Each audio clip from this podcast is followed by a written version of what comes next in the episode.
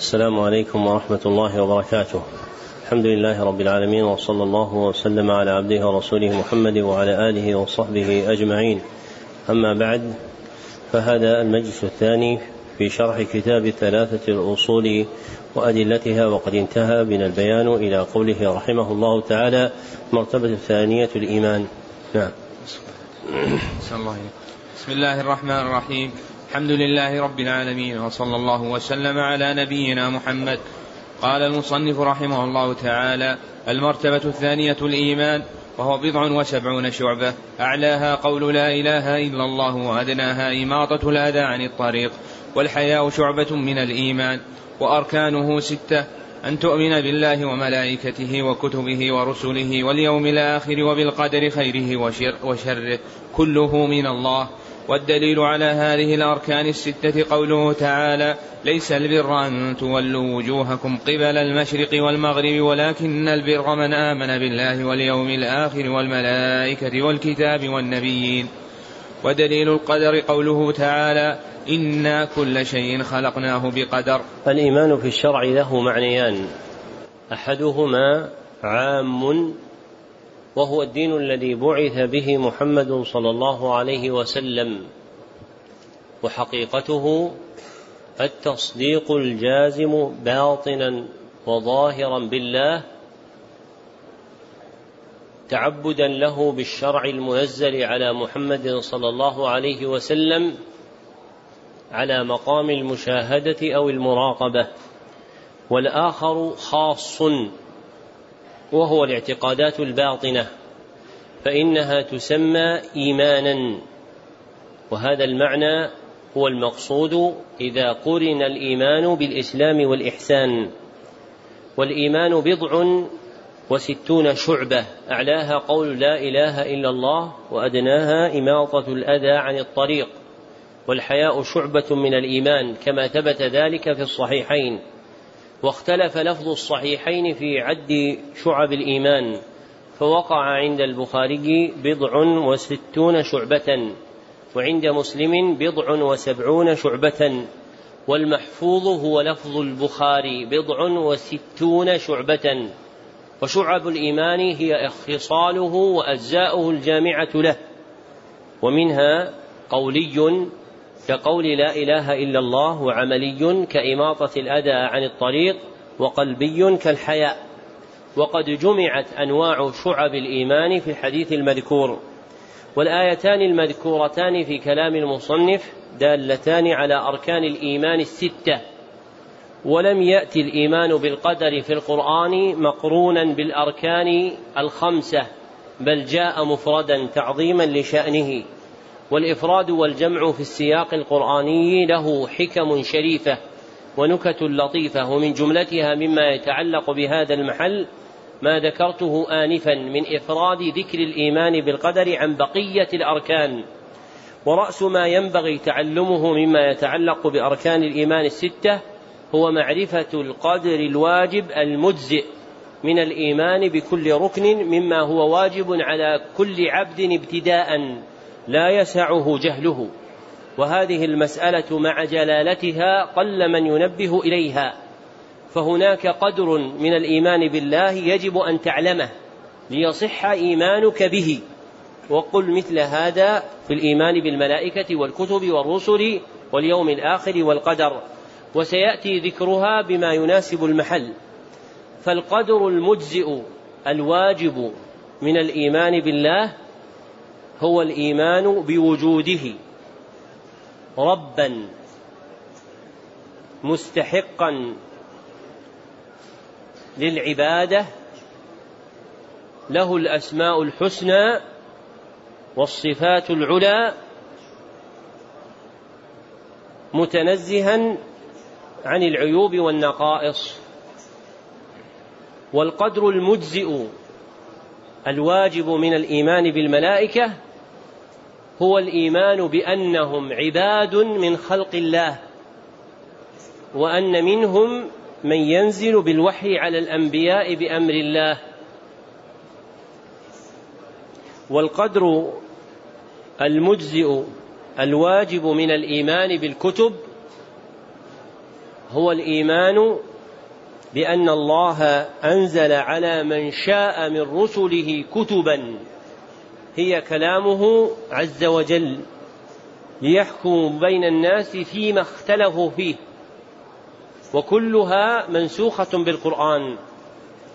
والقدر المجزئ الواجب من الإيمان بالرسل هو الإيمان بأن الله أرسل إلى الناس رسلا منهم ليأمروهم بعبادة الله وأن خاتمهم هو محمد صلى الله عليه وسلم. والقدر المجزئ الواجب من الإيمان باليوم الآخر هو الإيمان بالبعث في يوم عظيم هو يوم القيامة لمجازاة الخلق.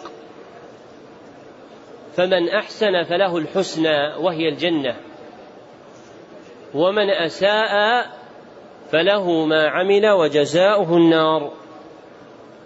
والقدر المجزئ الواجب من الإيمان بالقدر هو الإيمان بأن الله قدر كل شيء من خير وشر أزلا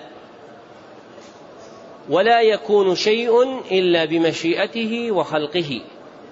فهذه الجملة هي عمود الأقدار المجزئة الواجبة من الإيمان بكل ركن من هذه الأركان ابتداء. وما زاد عنها فإما أن يكون واجبا باعتبار علم العبد بالدليل ووصوله إليه أو يكون مستحبا غير واجب. فلو سئل عامي عن الملائكة فقال ليس هناك شيء يسمى ملائكة فهذا كافر لأنه لم يأتي بالقدر الواجب الذي يصح به إيمانه بالملائكة. وفيه يتحقق الناقض العاشر من نواقض الإسلام التي عدها المصنف في رسالته المشهورة الإعراض عن دين الله لا يتعلمه ولا يعمل به فإنه معرض عن أصل الدين الذي لا يصح دينه ولا يكون مسلما إلا به. وإذا قيل له هل تعرف الملائكة؟ فقال نعم خلق من خلق الله. فسئل عن جبريل هل هو منهم؟ فقال لا أدري. فإنه لا يكفر لجهله. فإذا ذكر له الدليل من القرآن أو السنة في ذكر جبريل صار إيمانه بجبريل واجبا. وإذا أنكره كفر. لإنكاره مقطوعا به من الشرع وهو كون جبريل ملكا من ملائكة الله عز وجل. وإذا سئل بعد ذلك هل الملائكة يموتون أم لا يموتون ومن آخرهم موتا فقال لا أعلم. فإنه لا يكفر لجهله بذلك. فإذا ذكر له خلاف أهل العلم وأدلتهم فقال هذا شيء لا أدريه ولا علم لي به. فإنه لا يكفر حينئذ ولا يكون حال إيمانه ناقصا لأن هذه المسألة ليست واجبة على العامي ولا غيره والجهل بها لا ينقض الإيمان ولا ينقصه. وقل مثل هذا في كل ركن من أركان الإيمان الستة المذكورة. وهذه المسألة مسألة عظيمة ينبغي أن يحفظها طالب العلم. وأن يفهمها فهما حسنا حتى إذا بين للناس حقيقة الإيمان وأركانه ذكر لهم ما يجب عليهم ابتداء مما لا يصح إيمانهم إلا به. ثم يخبرهم أن وراء هذا قدر معلق وجوبه ببلوغ الدليل ووراءهما قدر زائد ليس واجبا على أحد من الخلق وإنما هو من نفل العلم. وفي الناس من يشتغل بفروع مسائل الإيمان ويغفل عن هذه المسألة العظيمة. وفي مثله يصلح قول أبي عبيد القاسم بن سلام رحمه الله عجبت لمن ترك الأصول وطلب الفضول فإن الاشتغال بفضول العلم والانصراف عن أصوله مما يعجب منه العاقل الدراك. فإن قوى العبد الباطنة والظاهرة ينبغي أن تكون مصروفة إلى المهمات. نعم. الله المرتبة الثالثة الإحسان. ركن واحد وهو أن تعبد الله وحده كأنك تراه فإن لم تكن تراه فإنه يراك. والدليل قوله تعالى ومن يسلم وجهه إلى الله وهو محسن فقد استمسك بالعروة الوثقى وقوله تعالى إن الله مع الذين اتقوا والذين هم محسنون وقوله تعالى ومن يتوكل على الله فهو حسبه وقوله تعالى وتوكل على العزيز الرحيم الذي يراك حين تقوم وتقلبك في الساجدين إنه هو السميع العليم. وقوله وما تكون في شأن وما تتلو منه من قرآن ولا تعملون من عمل إلا كنا عليكم شهودا إذ تفيضون فيه. ذكر المصنف رحمه الله المرتبة الثالثة من مراتب الدين وهي الإحسان. والإحسان له معنيان شرعا. الأول إيصال النفع. إيصال النفع. ومحله المخلوق دون الخالق. والثاني الإتقان وإجادة الشيء. الإتقان وإجادة الشيء ومحله الخالق والمخلوق. والمراد منهما في كلام المصنف الإحسان مع الخالق وله إطلاقان. الأول عام وهو الدين الذي بعث به النبي صلى الله عليه وسلم وحقيقته إتقان الباطن والظاهر لله تعبدا له بالشرع المنزل على محمد صلى الله عليه وسلم في مقام المشاهدة أو المراقبة. والثاني خاص وهو إتقان الاعتقادات الباطنة والأعمال الظاهرة فإنه يسمى إحسانا. وهذا المعنى هو المقصود إذا قرن الإحسان بالإسلام والإيمان. والقدر الواجب المجزئ من الإحسان مع الخالق يرجع إلى أصلين. أحدهما إحسان معه في حكمه القدري. بالصبر عليه بلا جزع أو تسخط. والثاني إحسان معه في حكمه الشرعي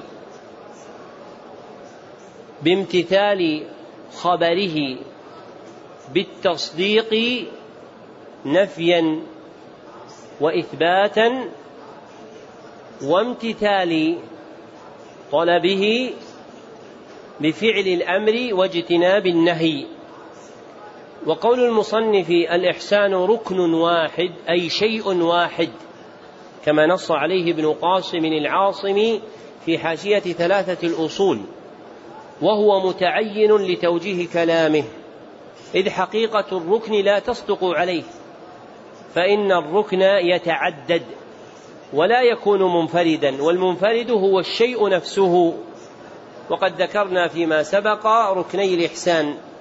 والأدلة على مرتبة الإحسان التي أوردها المصنف مصرحة بمدح من اتصف به في الآيتين الأوليين في قوله تعالى وهو محسن وفي قوله تعالى والذين هم محسنون.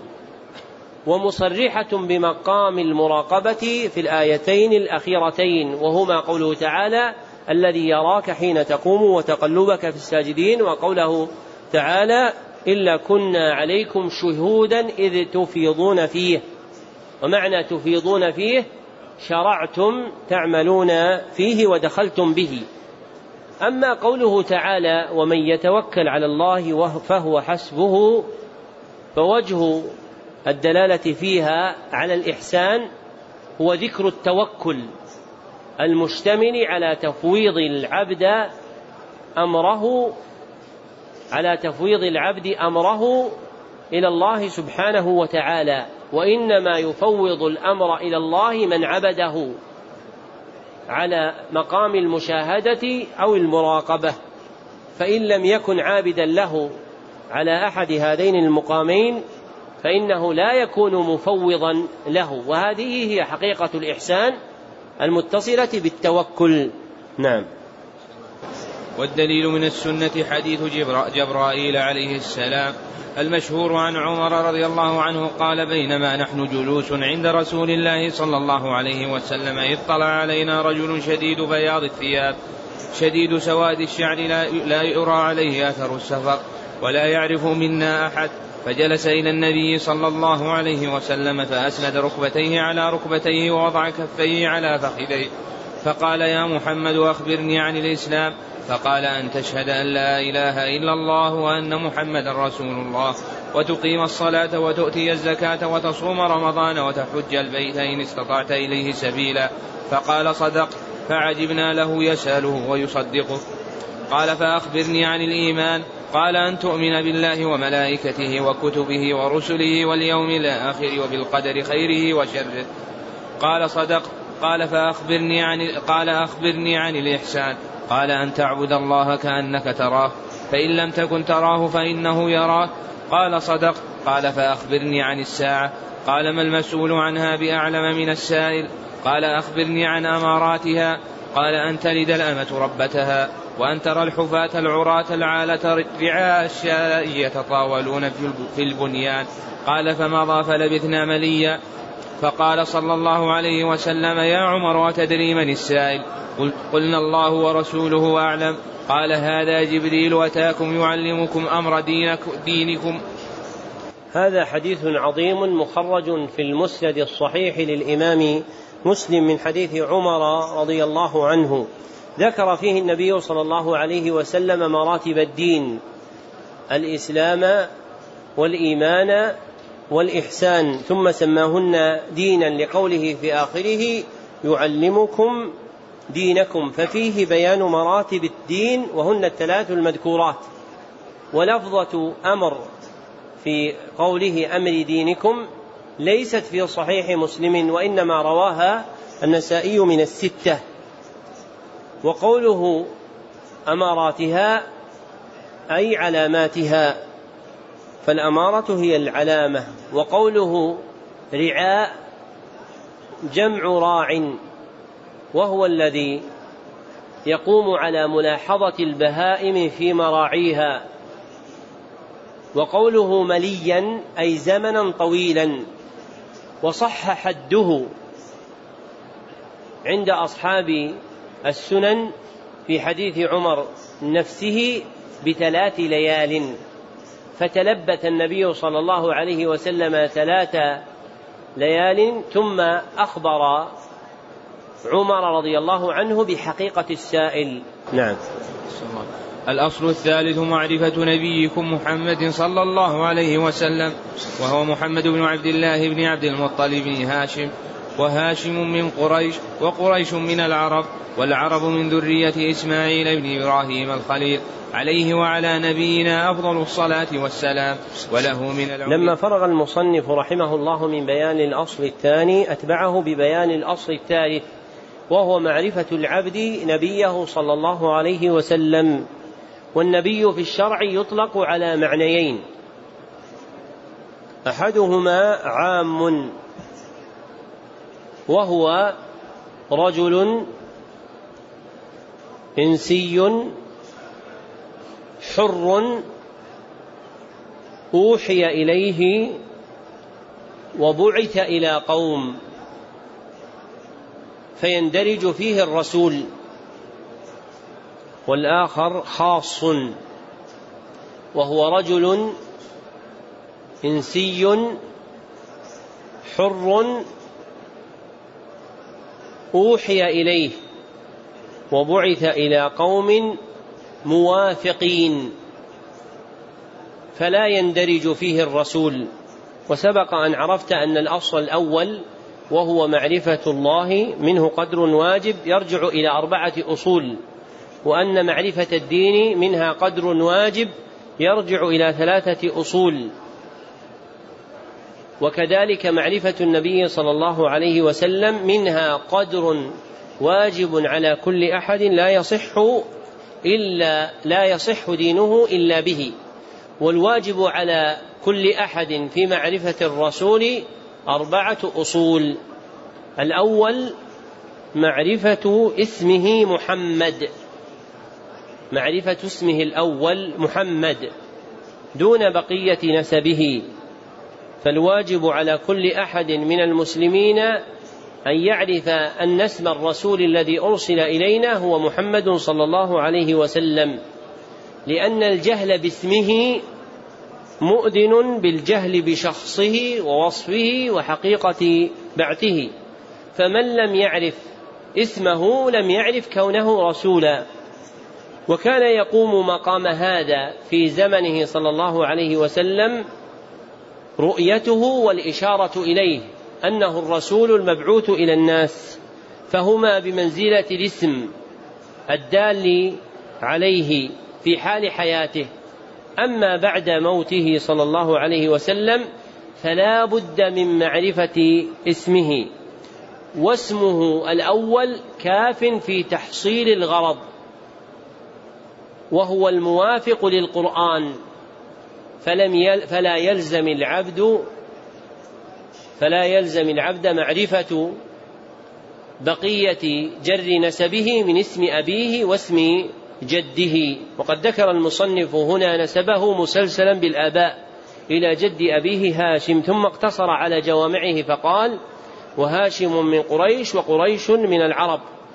ووقع له في رسالة الأصول الثلاثة زيادة بيان فقال وقريش من كنانة وكنانة من ولد إسماعيل.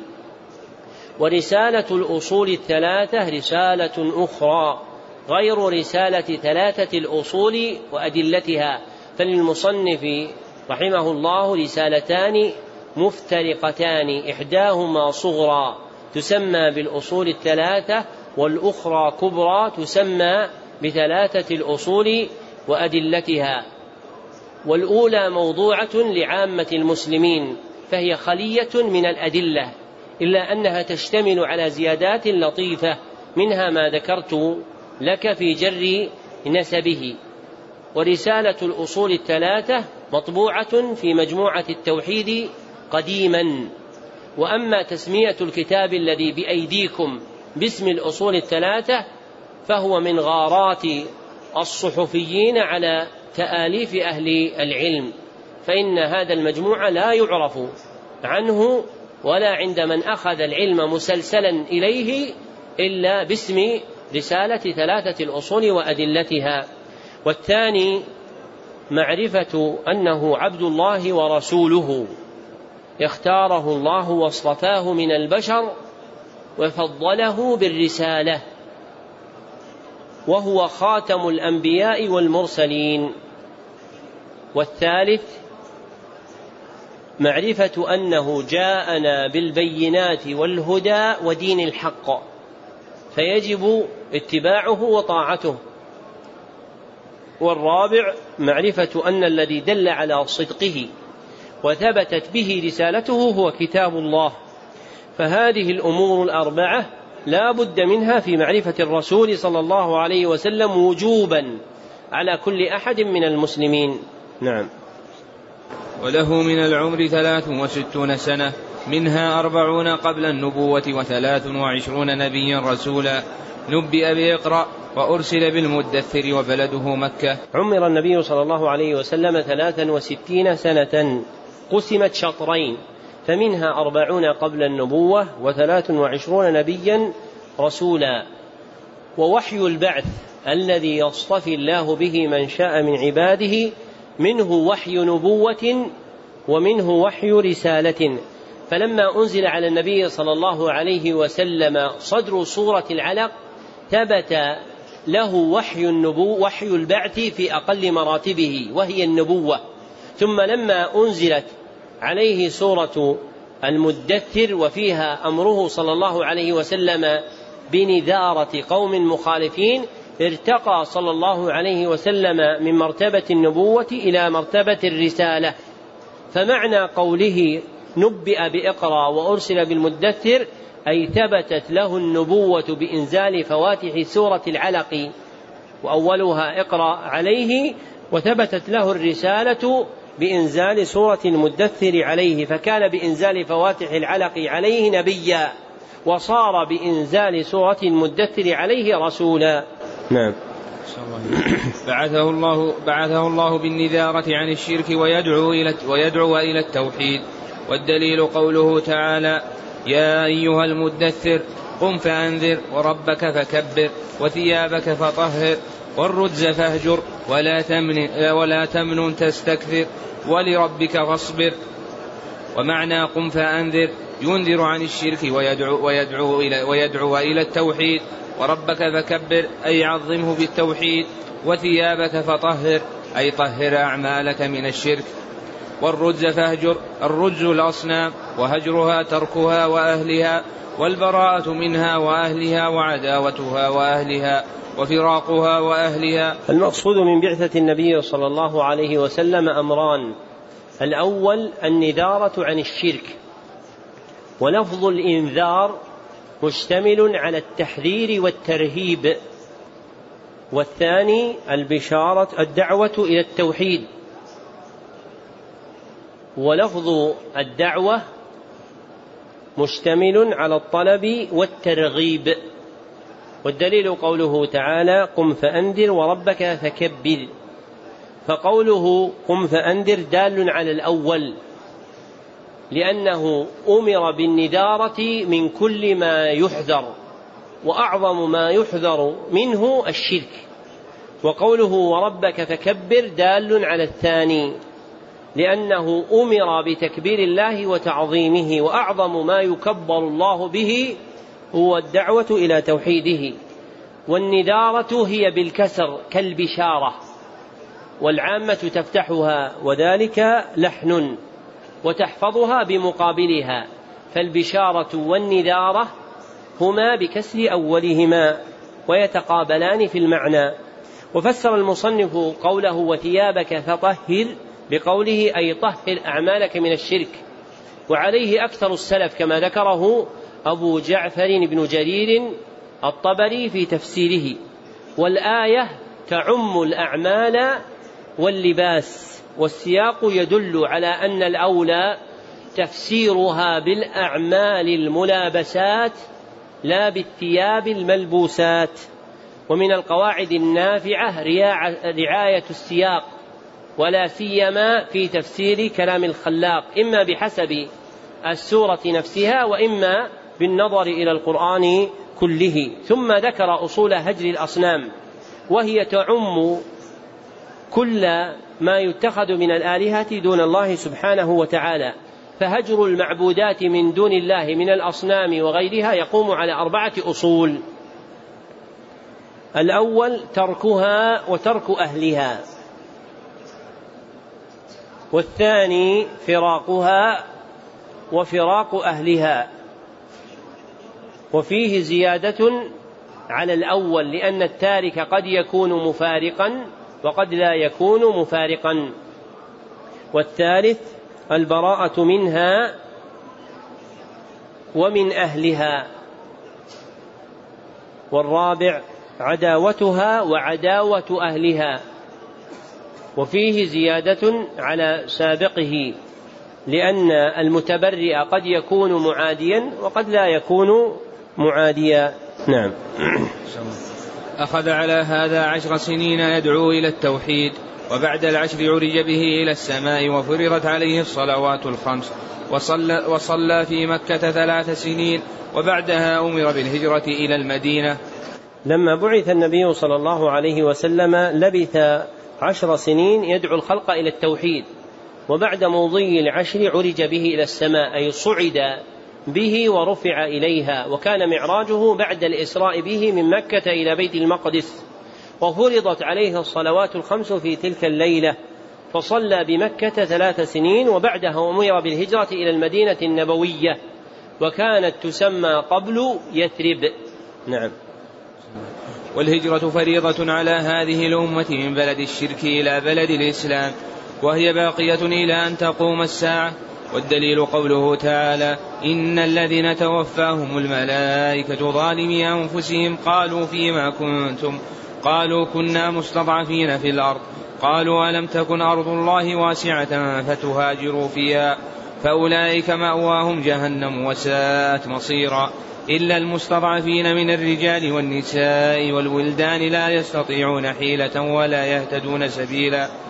فأولئك عسى الله أن يعفو عنهم وكان الله عفوا غفورا.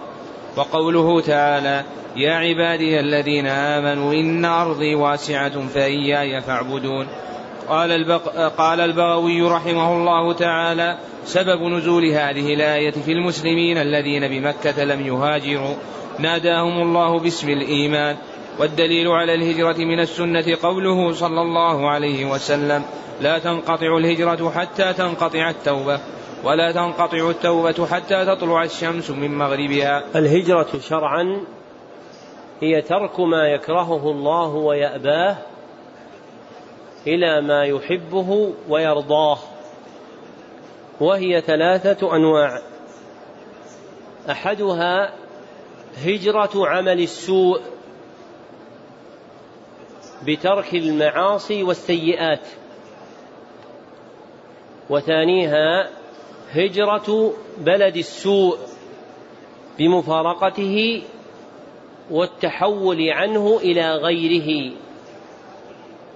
وثالثها هجرة أصحاب السوء بمجانبة من يؤمر بهجره من الكفرة والمبتدعة والفساق.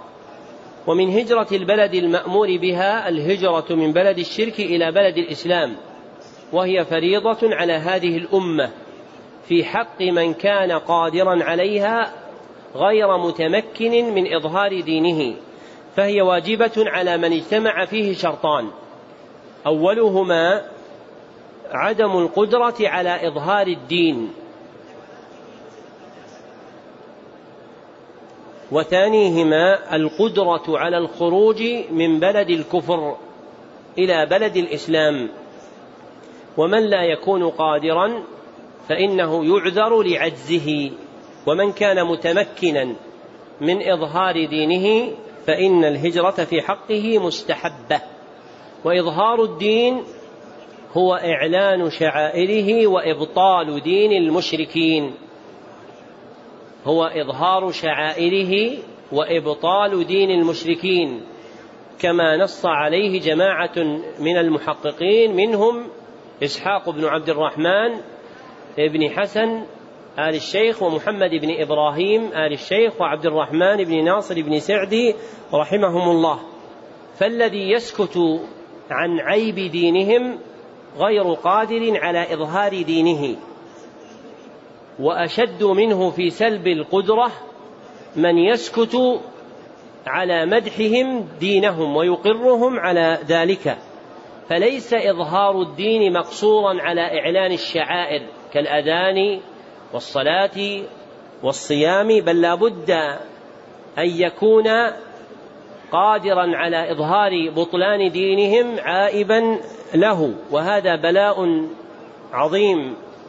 شاعت البلية به في الأعصار المتأخرة وغلب على الخلق الجهل به.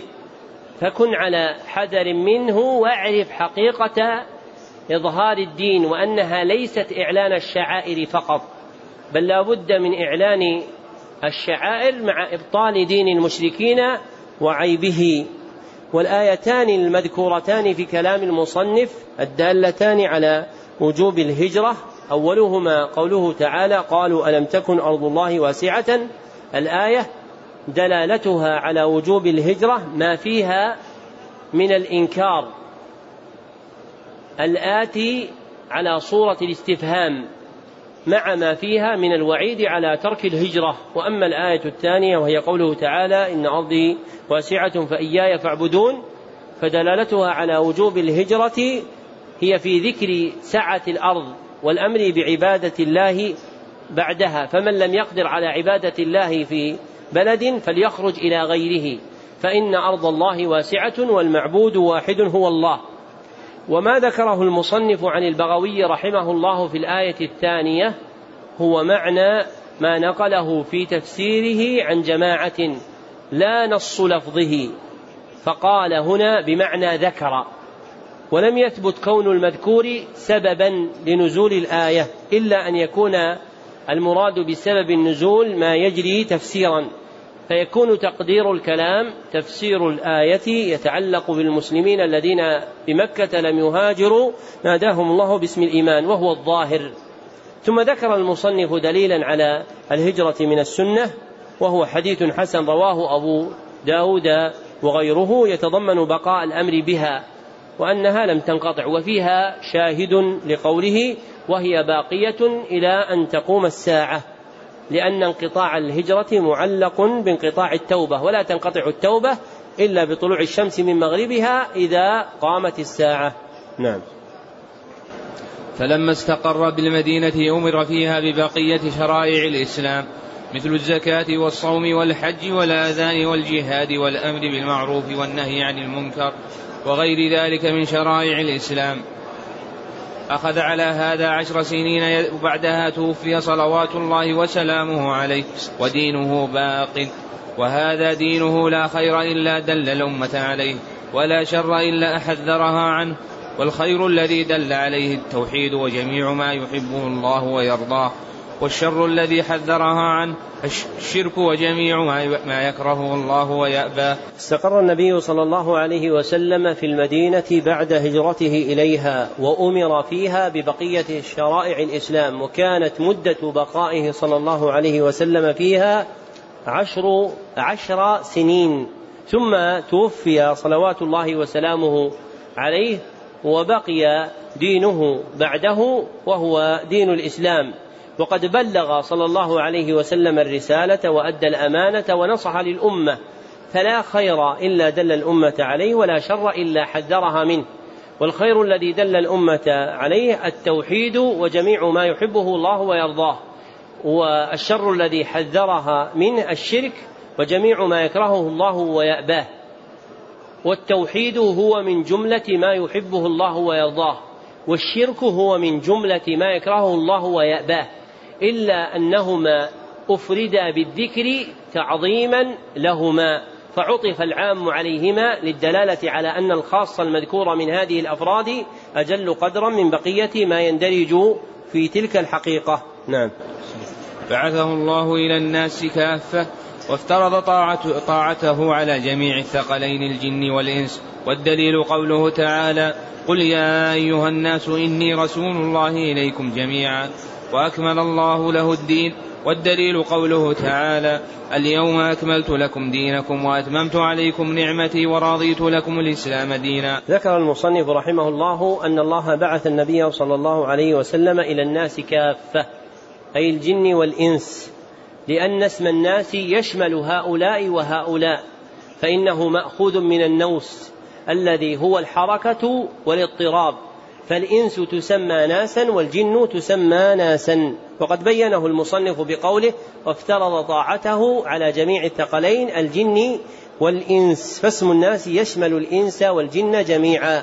وأكمل الله له الدين كما أخبر الله عز وجل بذلك فقال اليوم أكملت لكم دينكم وأتممت عليكم نعمتي ورضيت لكم الإسلام دينا. نعم. والدليل على موته صلى الله عليه وسلم قوله تعالى إنك ميت وإنهم ميتون ثم إنكم يوم القيامة عند ربكم تختصمون. والناس إذا ماتوا يبعثون والدليل قوله تعالى منها خلقناكم وفيها نعيدكم ومنها نخرجكم تارة أخرى. وقوله تعالى والله أنبتكم من الأرض نباتا ثم يعيدكم فيها ويخرجكم إخراجا. وبعد البعث محاسبون ومجزيون بأعمالهم والدليل قوله تعالى ولله ما في السماوات وما في الأرض ليجزي الذين أساءوا بما عملوا ويجزي الذين أحسنوا بالحسنى ومن كذب بالبعث كفر. والدليل قوله تعالى زعم الذين كفروا أن لن يبعثوا قل بلى وربي لتبعثن ثم لتنبؤن بما عملتم وذلك على الله يسير. لما أكمل الله الدين للنبي صلى الله عليه وسلم مات كما سبق في خبر الله له. إنك ميت وإنهم ميتون. والناس إذا ماتوا يبعثون. والبعث في الشرع هو إعادة هو قيام الخلق هو قيام الخلق إذا أعيدت الأرواح إلى الأبدان بعد نفخة الصور الثانية. ومن أدلته قوله تعالى منها خلقناكم وفيها نعيدكم وقوله تعالى والله أنبتكم من الأرض نباتا ثم يعيدكم فيها لذكر الإخراج من الأرض فيهما وهو البعث كما سلف. وبعد البعث يحاسب الناس ويجزون بأعمالهم. والحساب في الشرع هو عد أعمال العبد يوم القيامة. هو عد أعمال العبد يوم القيامة. والجزاء هو الثواب بالنعيم المقيم وداره الجنة. أو بالعذاب الأليم وداره النار. والدليل قوله تعالى ولله ما في السماوات وما في الأرض ليجزي الذين أساءوا بما عملوا. الآية فالآية تدل بمنطوقها على الجزاء وبمفهومها على الحساب لتوقف الجزاء عليه. ومن كذب بالبعث كفر. والدليل قوله تعالى زعم الذين كفروا أن لن يبعثوا. الآية فهو من دعاوى الكفار التي صيرتهم كفارا. نعم. وأرسل, وأرسل الله جميع الرسل مبشرين ومنذرين والدليل قوله تعالى رسلا مبشرين ومنذرين لئلا يكون للناس على الله حجة بعد الرسل. وأولهم نوح وآخرهم محمد عليه الصلاة والسلام وهو خاتم النبيين لا نبي بعده. والدليل قوله تعالى ما كان محمد أبا أحد من رجالكم ولكن رسول الله وخاتم النبيين والدليل على أن نوحا أول أول الرسل قوله تعالى إنا أوحينا إليك كما أوحينا إلى نوح والنبيين من بعده وكل أمة بعث وكل كم بقى الأذان؟ ها؟ كم باقي يا أخوان على ذلك؟ عشر. إيه زين. أعد الأخير والدليل.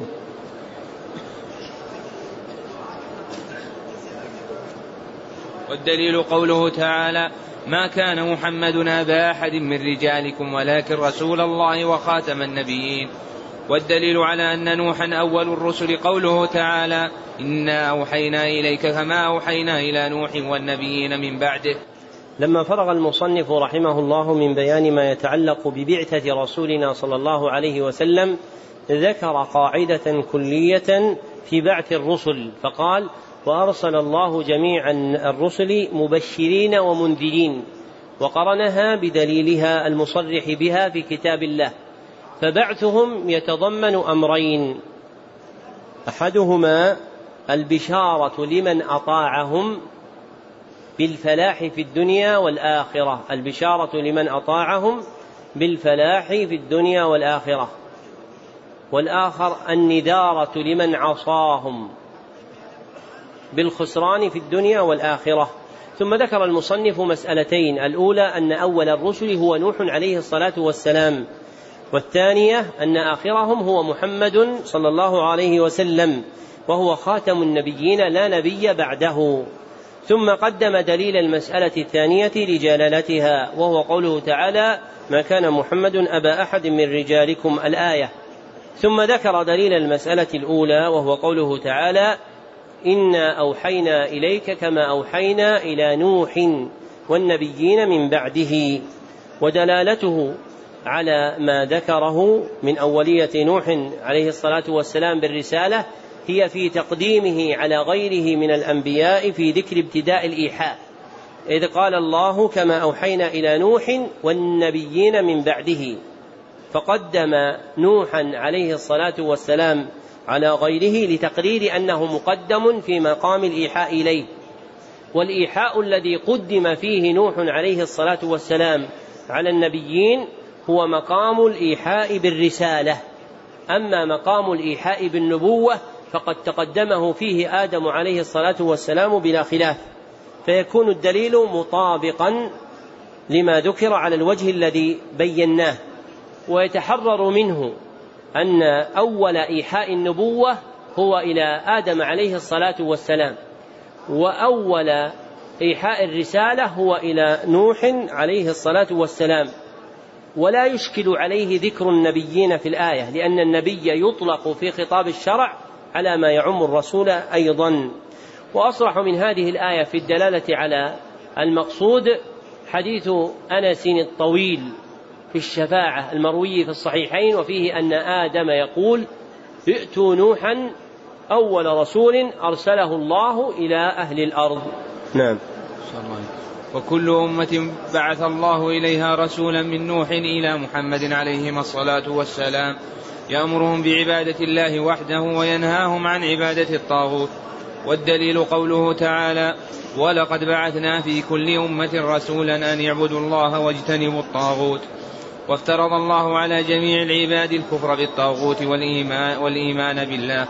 قال ابن القيم رحمه الله تعالى ومعنى الطاغوت ما تجاوز به العبد حده من معبود أو متبوع أو مطاع والطواغيت كثيرون ورؤوسهم خمسة. إبليس لعنه الله ومن عبد وهو راض. ومن, ومن ادعى شيئا من علم الغيب ومن دعا الناس إلى عبادة نفسه ومن حكم بغير ما أنزل الله. والدليل قوله تعالى لا إكراه في الدين قد تبين الرشد من الغي. فمن يكفر بالطاغوت ويؤمن بالله فقد استمسك بالعروة الوثقى لا انفصام لها. والله سميع عليم. وهذا هو معنى لا إله إلا الله. وفي الحديث رأس الأمر الإسلام وعموده الصلاة وذروة, سنام وذروة سنامه الجهاد في سبيل الله. والله أعلم وصلى الله على محمد وآله وصحبه وسلم. كل أمة بعث الله إليها رسولا كما قال تعالى ولقد بعثنا في كل أمة رسولا أن يعبدوا الله واجتنبوا الطاغوت ودعوات الأنبياء والرسل تجتمع في أصلين عظيمين. أحدهما الأمر بعبادة الله وحده المتضمن للنهي عن الشرك وهذا مذكور في قوله أن اعبدوا الله. والآخر النهي عن عبادة الطاغوت المتضمن للأمر بالكفر به. وهذا مذكور في قوله تعالى واجتنبوا الطاغوت. وافترض الله على جميع العباد الكفر بالطاغوت والإيمان به كما قال تعالى لا إكراه في الدين قد تبين الرشد من الغي فمن يكفر بالطاغوت ويؤمن بالله فقد استمسك بالعروة الوثقى لا انفصام لها والعروة ما يتعلق ويستمسك به والوثقى مؤنث الأوثق أي الأقوى ومعنى لا انفصام لها أي لا انقطاع لها والطاغوت له معنيان. أحدهما خاص وهو الشيطان. فإذا أطلق الطاغوت في القرآن كان هو المراد. والآخر عام وهو المراد في القرآن إذا كان فعله المذكور معه للجمع. إذا كان فعله المذكور معه للجمع. كقوله تعالى والذين كفروا أولياؤهم الطاغوت يخرجونهم من الظلمات من النور إلى الظلمات. يخرجونهم من من النور إلى الظلمات. وأحسن ما قيل في حده كما صرح به عبد الرحمن بن حسن في فتح المجيد ما نقله المصنف عن ابن القيم في إعلام الموقعين أنه ما تجاوز به العبد حده من معبود أو متبوع أو مطاع. ولذلك قال المصنف مشيرا إلى معناه الخاص وبعض أفراد المعنى العام الطواغيت كثيرون ورؤوسهم خمسة إبليس لعنه الله ومن عبد وهو راض ومن دعا شيئا من علم الغيب إلى آخره. والمراد بالرؤوس أعظمهم شرا وأشدهم خطرا. وجماع أنواع الطواغيت ثلاثة. أولها طاغوت عبادة. وثانيها طاغوت اتباع. وثالثها طاغوت طاعة. ذكره سليمان بن سحمان رحمه الله.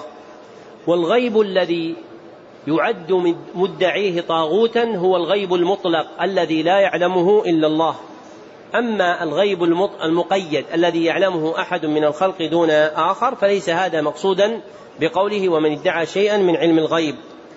والكفر بالطاغوت والإيمان بالله هو حقيقة لا إله إلا الله المتضمنة للنفي والإثبات كما تقدم فنفيها هو الكفر بالطاغوت وإثباتها هو الإيمان بالله. وشاهده في الحديث رأس الأمر الإسلام فالأمر هو الدين. والمراد بالإسلام الإسلام بالمعنى العام المتقدم المتضمن للكفر بالطاغوت والإيمان بالله. والحديث المذكور قطعة من حديث معاذ بن جبل الطويل الذي رواه الترمذي وابن ماجه بإسناد فيه انقطاع وله طرق يحسن بها. ومعنى ذروة سنامه أي أعلاه وأرفعه وهي بكسر الذال وضمها. وذكر بعض المتأخرين فتحها أيضا فهي مثلثة يقال ذروة وذروة وذروة وهي أعلى الشيء وأرفعه فالجهاد أرفع الإسلام وأعلاه والله أعلى وأعلم وبه تم بحمد الله وتوفيقه شرح الكتاب على الوجه المناسب لمقصود بيان معانيه. واستدرك بفضل الله عز وجل التأخر الذي طرأ بسبب عدم المسارعة بإحضار الناقل الصوتي ونجيب بعد الأذان على الأسئلة إن شاء الله تعالى. على أنني أنبه إلى أمرين. أحدهما أن لكم أسئلة في ذمتي وهي ما بقي من أسئلة برنامج مهمات العلم وهي محفوظة عندي ولكننا أنسيناها وسنأتي بها إن شاء الله تعالى في الدرس القادم ونواصل الإجابة عليها. والأمر الثاني أن الدرس القادم إن شاء الله تعالى سيكون في يوم الخميس العاشر من شهر محرم الحرام. من السنة القادمة فيكون بعد العصر كتاب شروط الصلاة وأركانها وواجباتها وبعد المغرب القواعد الأربع. ويوجد جدول منشور لدروس السنة من التمسه عند المختصين بالأمر في المسجد النبوي. يجده والحمد لله رب العالمين.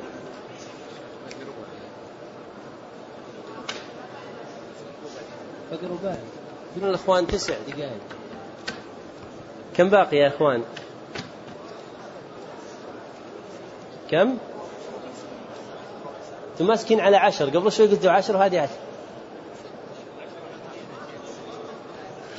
طيب نجيب أجل. حتى نستفيد من الوقت لنا ولكم لأننا على جناح سفر. نقدم الأسئلة تتعلق بالدرس هات الأسئلة تتعلق بالدرس. أعطنا الأسئلة تتعلق بالدرس. هذا يقول ورد الدل على جهة المدح والاختيار. وذلك قوله تعالى أذلة على المؤمنين مدح. وقوله تعالى واخفض لهما جناح الذل من الرحمة.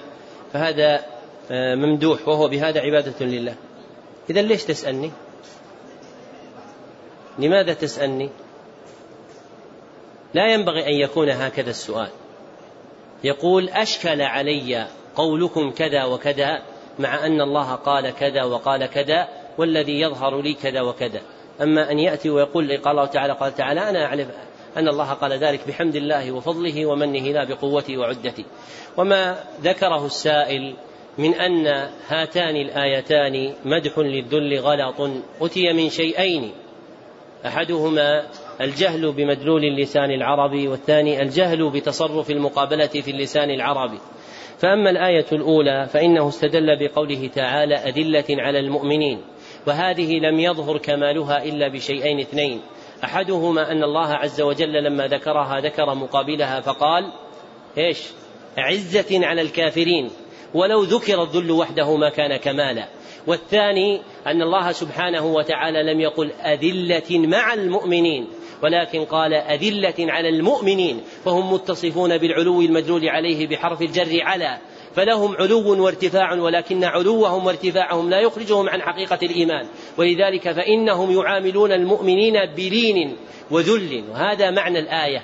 فلا يكون دالا على أن الذل ممدوح. ولو كانت الآية مذكورا فيها أذلة على المؤمنين لكانت نقصا ولا يكون ذلك في كلام الله سبحانه وتعالى. وأما قوله تعالى واخفض لهما جناح الذل من الرحمة فهذا ليس الذل. هذا جناح الذل. والكلام العربي له تركيب له والكلام العربي يجري على نوعين أحدهما الإفراد والثاني التركيب. وقد يكون للكلمة بتركيبها ما لا يكون لها بإفرادها. فالله عز وجل قال إن الحياة إنما الحياة الدنيا إيش؟ لهو. وقال تعالى ومن الناس من يشتري إيش؟ لهو الحديث. فلهو الحديث ليس هو اللهو فاللهو شيء ولهو الحديث شيء آخر. فالكلمة مركبة ليست ككونها مفردة والذل مفردا ليس كجناح الذل مركبا. فجناح الذل له معنى مركب يختلف عن معنى الدل المفرد. وضح الكلام؟ وضح فهم الكلام الذي أورده الأخ؟ يقول الأخ هل يلزم من الهجرة أن تكون من بلد السوء؟ ألا تصح من بلد إسلام إلى بلد إسلام أفضل منه؟ الجواب أن السوء نوعان أحدهما مطلق والآخر نسبي. فالمطلق هو الذي يتمحض فيه السوء بالكفر. وأما الثاني فهو النسبي. وقد ذكر جماعة من العلماء أنواعا من المندرجة في السوء المقيد. منها الهجرة من بلد الجهل إلى بلد العلم والهجرة من بلد البدعة إلى بلد السنة والهجرة من بلد المرض إلى بلد الصحة. وهذه لها دلائلها من الأحاديث الواردة عن النبي صلى الله عليه وسلم. فالسوء هنا يكون مقيدا ولا يكون مطلقا ولذلك لا يرسل الكلام فيه. وتقرير هذه المسألة إنما وقع بما يناسب الحال دون الإحاطة بشذورها المتفرقة وفروعها المتبددة. وينبغي أن يتفهم الإنسان الكلام الذي يلقى إليه ويعي موقعه. وما زاد عنه فينبغي له أن يسعى في تفهمه. هذا يقول ما معنى قوله تعالى من الجنة والناس؟ ما الجواب؟ الجنة من هم؟ الجن والناس؟ الإنس والجن. ويكون من عطف العام على الخاص. ولذلك قال الله عز وجل قل أعوذ برب الناس ملك الناس إله الناس من شر الوسواس الخناس الذي يوسوس في صدور الناس. من الجنة والناس فالآية الأخيرة مفسرة للآية القبل التي قبلها ففيها ذكر الموسوس فيه وهي صدور الجنة والناس من الجن والإنس وليست تفسيرا للآية التي قبلها الذي يوسوس في صدور الناس وأن الموسوس يكون من الجنة والناس فإنه لا يكون من الناس موسوس وإنما يكون من الناس إيش؟ موشوش لأن الوسوسة إلقاء خفي باطن والوشوشة إلقاء خفي ظاهر. واضح؟ الوسوسة إلقاء خفي باطن والوشوشة إلقاء خفي ظاهر. والناس يكون تكون لهم قدرة على الوشوشة ولا تكون لهم قدرة على الوسوسة. يقول هذا الأخ ما معنى آه، قولكم في الإحسان إتقان الباطن والظاهر؟ معنى قولنا إتقان الباطن والظاهر إتقان ما يتعلق بالظاهر وهو الأعمال الظاهرة وإتقان الباطن إتقان ما يتعلق بالباطن وهو اعتقادات الباطنة. وهذه الحقائق الشرعية هي موجودة بدلائلها في القرآن والسنة وتفصيلها يحتاج إلى وقت مديد. ليس هذا محله لكن ليست لفظة منها بحمد الله إلا مبنية على دليلها وبها يحصل للإنسان فهم الإسلام والإيمان والإحسان وحقيقة الفرق بينهما. فإذا قيل الإيمان الذي يشمل الدين كله هو التصديق الجازم بالله تعبدا له بالشرع المنزل على محمد صلى الله عليه وسلم على مقام المراقبة والمشاهدة فهم حقيقة الإيمان وأنها تعم الدين كله لكن مبناها على التصديق الجازم. وإذا قيل له الإسلام هو استسلام العبد لله باطنا وظاهرا بالتعبد له بالشرع المنزل على محمد صلى الله عليه وسلم على مقام المشاهدة والمراقبة فهم أن الإسلام يعم الدين كله لكن مبناه على الاستسلام وهلما جر. يقول هذا الأخ أين نجد شرح ثلاثة الأصول وأدلتها؟ تجده في التسجيلات الموجودة في المسجد النبوي. هذه مسائل يا إخوان خارجة عن الدرس. المسائل الخارجة عن الدرس في المسجد يوجد من هو مختص بالإفتاء فيرجع إليه. هذا يقول كيف يكون إبطال دين المشركين؟ يكون إبطال دين المشركين بعيب دينهم والقدح فيه وأنه دين باطل. هذا يكون به إبطال دين المشركين والسعي في ذلك بما يستطيعه الإنسان. وقد روى أبو داود من حديث حماد بن سلمة عن حميد عن أنس أن النبي صلى الله عليه وسلم قال جاهدوا المشركين بأموالكم وألسنتكم وأنفسكم. فالإنسان يجاهدهم في إبطال دينهم بما يستطيعه. هذا يسأل أيضا في ضمن الأسئلة؟ يقول ماذا يدرس الإنسان بعد هذا الكتاب؟ يدرسه مرة ثانية. لماذا؟ لأن الله سيسألك في قبرك عن ماذا؟ من ربك؟ لأن الملائكة. لأن الملكين سيسألانك في قبرك عن هذه الأسئلة الثلاثة. كما قال حافظ الحكمي في سلم الوصول وأن كل موقف مسؤول من رب ما الدين ومن رسول. فهذه هي الأسئلة الثلاثة التي ينبغي أن تعلمها. فادرسه مرة ثانية وثالثة ورابعة وخامسة ثم بعد ذلك انظر ما يلزمك في دينك من أمر توحيدك واعتقادك وذكرك لله وتعظيمك له وعبادتك إياه فتعلمه ولا تشتغل بما وراء ذلك إلا إذا أتقنته. كم باقي الأذان؟ ثلاث دقائق. نجيب على هذا السؤال له تعلق خفي يقول ما الفرق بين النبي والرسول؟ الجواب أن يقال إن الرسول والنبي لهما معنيان أحدهما معنى عام والآخر معنى خاص فأما المعنى العام فهو رجل إنسي إيش؟ أوحي إليه وبعث أوحي إليه بشرع وبعث إلى قوم هذا يشمل النبي والرسول. والثاني معنى خاص يفترقان فيه فيكون الرسول بعث إلى قوم مخالفين والنبي بعث إلى قوم موافقين وهذا هو الذي تدل عليه النصوص ولا يقع به بحمد الله سبحانه وتعالى بينها اضطراب. وأما النصوص العامة التي في القرآن فتأتي على هذا وهذا مثل قوله تعالى كان الناس أمة واحدة فبعث الله من؟ النبيين. هذا يشمل الرسل والنبي على المعنى العام وتارة يأتي على التفريق بينهما وما أرسلنا قبلك من رسول ولا نبي. هذا بينهما فرق فيكون الفرق بما ذكرت لكم. وهذا منتهى الإجابة على ما تيسر من الأسئلة. وأرجو منكم أن لا يتبعني أحدا أحد لا يتبعني أحد تخفيفا عليكم. فإن اتباع الإنسان فتنة له ومذلة للتابع. والله أعلم. الحمد لله رب العالمين.